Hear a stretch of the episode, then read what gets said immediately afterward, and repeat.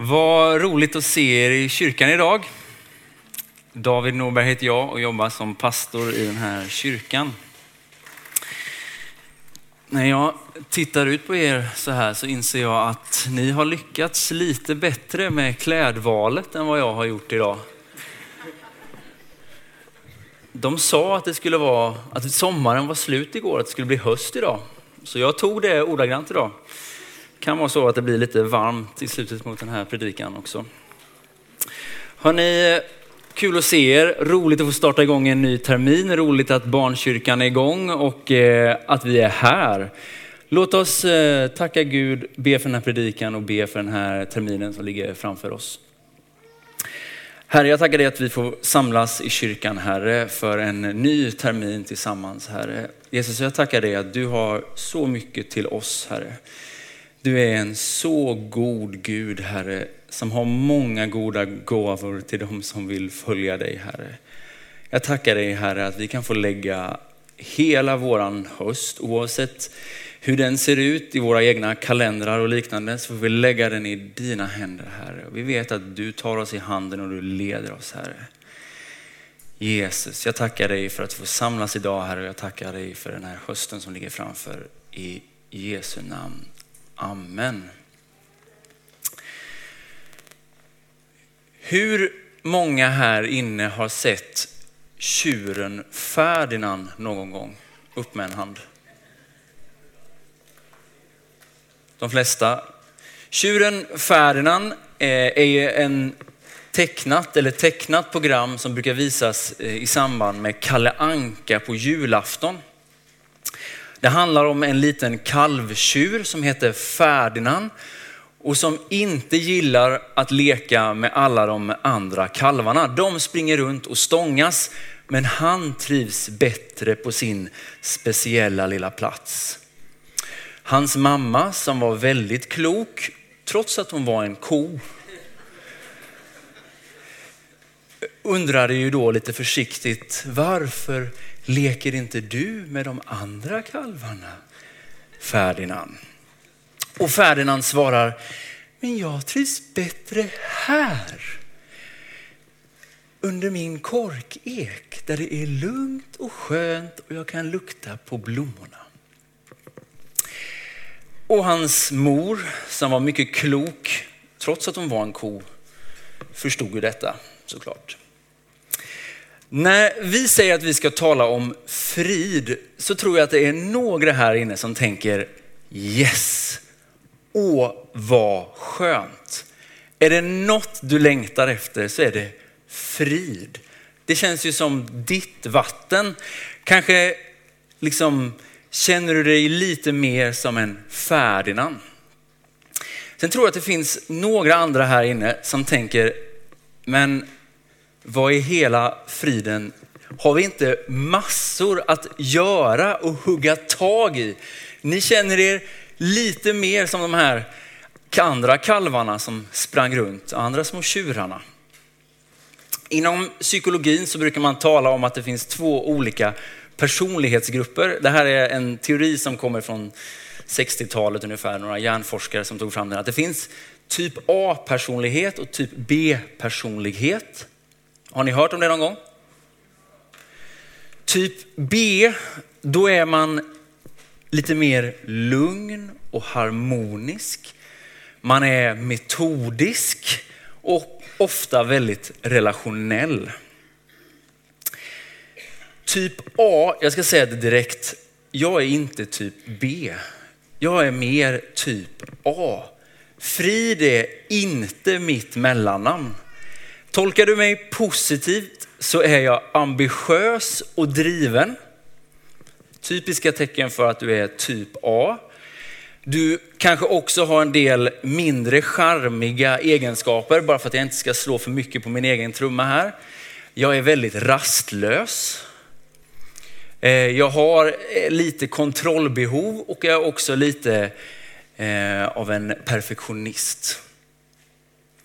Och frågar du min fru så skulle hon nog också säga att eh, eh jag är dålig på att ta kritik. Men det tycker inte jag. Vilket i sig liksom, kanske förstärker hennes tes. Där. Min poäng är så här att oavsett om du identifierar dig som en typ A eller som en typ B, oavsett om frid är någonting som kommer naturligt för dig eller någonting som du får jobba lite mer med, så tror jag att detta är i centrum av vårt budskap. Det Jesus och Gud vill ge dig, det är frid. Det är inte ett tillval, utan friden är ett kännetecken för Guds rike. Det står i centrum för vårt lärjungaskap. Med det sagt så tror jag att våran bild av frid inte alltid riktigt stämmer överens med den bilden av frid som, som Bibeln ger. Så nu ska ni få två små korta ordstudier här. Vad säger egentligen Bibeln av frid? Det är ju väldigt viktigt att vi har någon slags gemenskap och förståelse för vad, vad är frid i Bibeln. Kollar man i Nya Testamentet så är det grekiska ordet eirene. Eirene kan betyda eller översättas både med frid och fred. Det fungerar som en hälsning, både Jesus och Paulus säger frid åt er alla när de hälsar. Men det kan också betyda fred, det vill säga fred med Gud, men också fred mellan mänskliga relationer. Men om vi ska liksom gräva ännu djupare och verkligen förstå vad det här, vad friden är i Bibeln så behöver vi gå till gamla testamentet. För det motsvarande ordet för frid i gamla testamentet är shalom. Och shalom är ett väldigt mångtydigt ord. Shalom kan också översättas både med frid och fred. Det är också en, en hälsningsfras som man använder i Israel fortfarande idag. Men det, det har också den här dimensionen av fred mellan mellanmänskliga relationer och fred mellan människor och Gud. Och det kan också översättas frid eller välgång. Den mest grundläggande betydelsen av shalom, det är hel eller komplett. Så när Josua talar om en altarsten som är hel och utan några sprickor, så använder han ordet shalom. När eh, David åker ut till sina bröder som är i fält så frågar han om deras shalom. Det handlar också om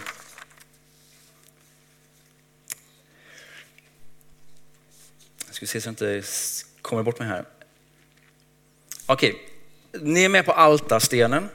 Den är hel, den är utan sprickor. Den kan också refereras till en färdig mur som är komplett eller utan några trasiga stenar. Och det kan också då referera till någons välmående. Du kan fråga, hur är ditt shalom? Grundtanken här är ju på något sätt att livet är komplext med en massa rörliga bitar, situationer och relationer. Och när några av de här bitarna inte passar eller saknas så bryts ditt shalom ner. Livet är inte längre helt och det behöver byggas upp. Att komma med shalom, det är att restaurera, att göra någonting helt igen. Kung Salomo han kommer med shalom till templet när han färdigställer det. Och samma gäller såklart för relationer. När en relation upprättas och blir hel igen så kommer man med shalom. Det här ordet har alltså både en fysisk och en andlig betydelse.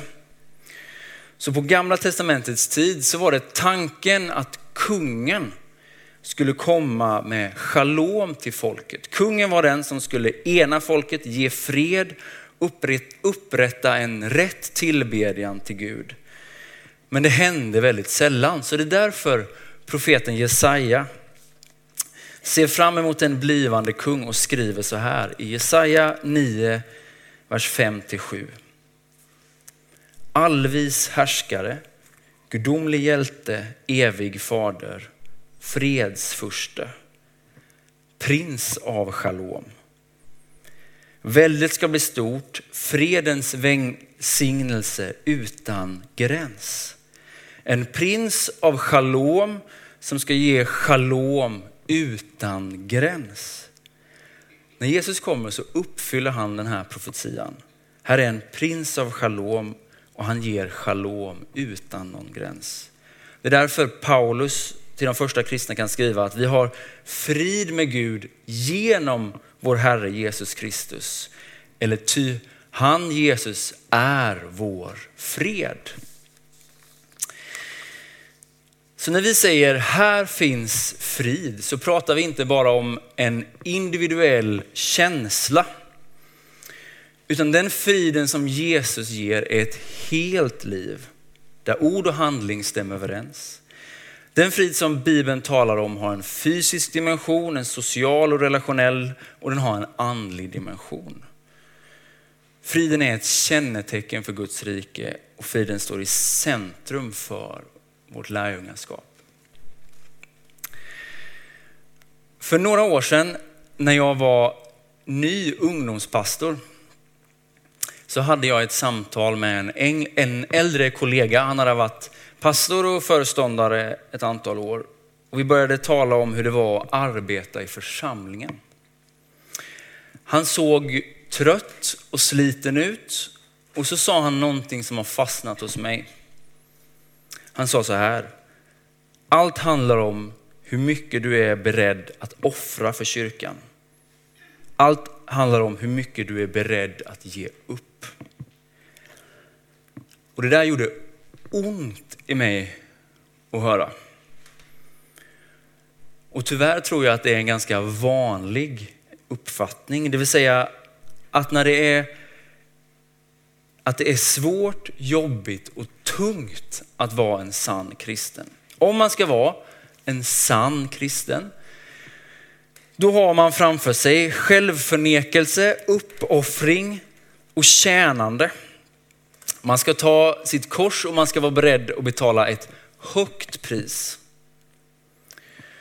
Och det är klart att vi inte är liksom skyddade mot svåra tider, sjukdom och fattigdom. Men priset att inte följa Jesus måste väl ändå rimligtvis vara högre. Ta en bok som Ordspråksboken. Den är ju en lovprisning över livet för den som är troende. Vems liv är det som är tungt och jobbigt? Det är den trolöses liv. Vi kan tala mycket om att efterföljelsen är, har ett pris, men jag tror att vi behöver tala ännu mer om att priset är ännu högre att inte följa Jesus. Följ med mig till, till det bibelordet som jag vill att du ska ta med dig från den här predikan. Det är från Matteus 11, vers 28 till 30. Det står det så här. Kom till mig, alla ni som är tyngda av bördor. Jag ska skänka er vila. Ta på er mitt ok och lär av mig som har ett milt och ödmjukt hjärta så ska ni finna vila för er själ. Mitt ok är skonsamt och min börda är lätt.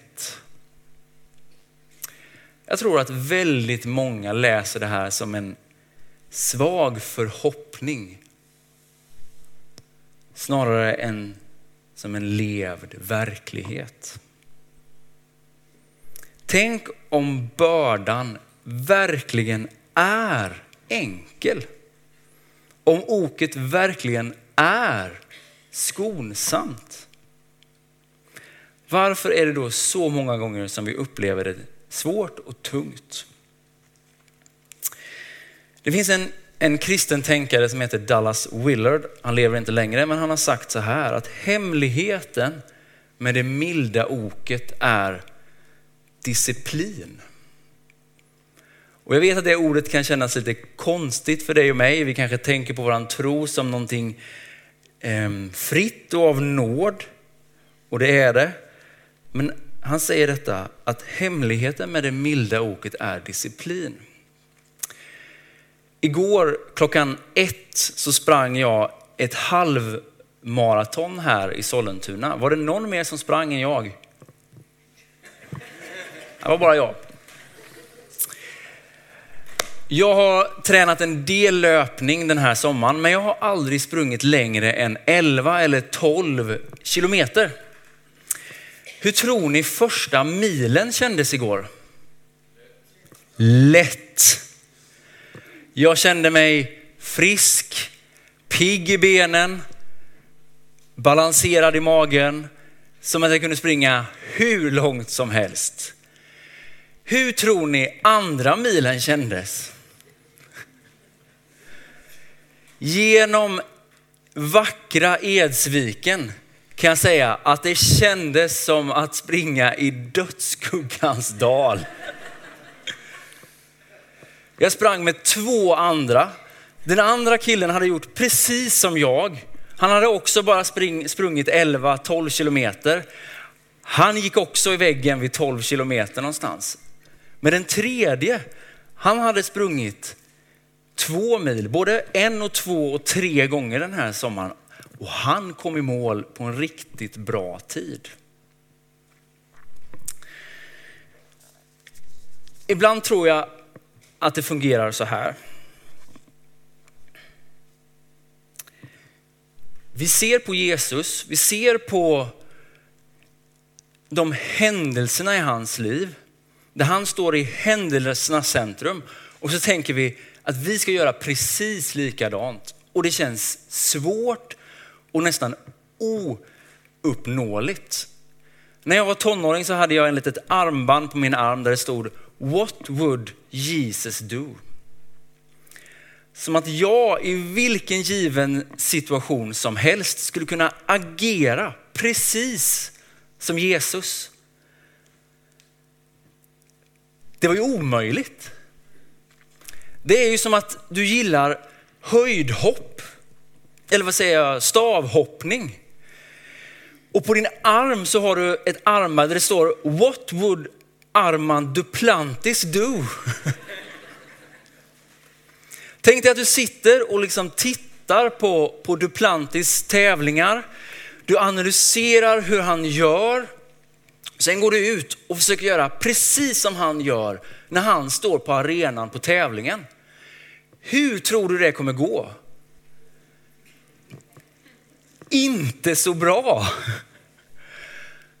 Om du ska hoppa lika högt som Duplantis så måste du imitera hela hans livsstil. Du måste gå in under samma ok. Du måste ju gå in och ha samma träningsprogram, samma kostupplägg, samma livsstil. Då har du möjlighet att hoppa lika högt som Duplantis. Men det räcker inte med att bara titta på, på hans tävlingar. Jag tänker det är precis samma sak med Jesus. Vi, vi ser när han är i händelsernas centrum, men vi är ovilliga att kopiera hans livsstil. Tänk om det är så att oket är lätt. Oket är skonsamt, bördan är lätt. Jag tror att det är precis så. Oavsett om du är pastor eller ingenjör eller sjuksyrra eller vad du än jobbar med. Så tror jag på riktigt att bördan och oket för dig är lätt. Det kanske inte känns så idag, men jag tror på riktigt att det är det och att det är det vi kan få uppleva. Jag tror inte att det bara är en vag förhoppning jag tror att det är en verklighet som du och jag kan få leva i tillsammans. Och det är det som du och jag ska få undersöka mer den här hösten. Här finns frid. De första veckorna framåt här så ska vi titta närmare på fridens mästare. Hur lever Jesus? Hur kan du och jag imitera hans livsstil? Sen ska vi tala om hur man kan få frid med sitt förflutna. Vi har alla en del skuggsidor med oss, mindre charmiga egenskaper. Vi har obearbetade känslor, en del mönster som känns som att de är o, liksom nedärvda och omöjliga att förändra. Hur kan vi på riktigt möta de där sidorna? Hur kan du och jag få frid med vårt förflutna? Och sen det sista vi ska titta på i det här temat, det är de andliga disciplinerna, eller de andliga praktikerna. För det vanligaste vi pratar om i kyrkan, det är bön och nästan alla tänker att jag ber för lite. Men det finns många andra andliga discipliner som kan vara mer kreativa kanske och som kan passa dig och som kan vara en hjälp på vägen. De här brunnarna behöver vi gräva upp om vi ska kunna imitera Jesu liv och leva som han gjorde. Och då tror jag att bördan är lätt. Oket är skonsamt. Vi ber. Herre, jag tackar dig för den här hösten som ligger framför oss, Herre. Jag tackar dig för våra liv, jag tackar dig för mitt eget liv och för att vi får stå i relation till dig. Led oss den här hösten, Herre, i en djupare gemenskap och relation med dig, Jesus. Led våra tankar, utmana oss, ge oss hopp och ge den frid som du har för oss, Herre. Jesus, hjälp oss Herre att, att inte bara ta allt för givet Herre, utan att faktiskt bli seriösa med detta Herre. Att leva som du har gjort Herre. Enkelt och lätt Herre. Trots att du fick utstå stor prövning och svåra stunder Herre. Så levde du i relation med din far. Jag tackar dig Jesus att vi får komma till dig Herre, precis där vi är Herre. Du vet den som kommer med ofrid i hjärtat Herre. Du vet den som känner frid just nu Herre. Tack att du känner våra tankar Herre. Och jag tackar dig att du vill ge oss ett helt liv Herre. Där ord och handling hänger ihop Herre. Du vill hela relationer Herre. Att du vill fördjupa vår relation med dig, Herre.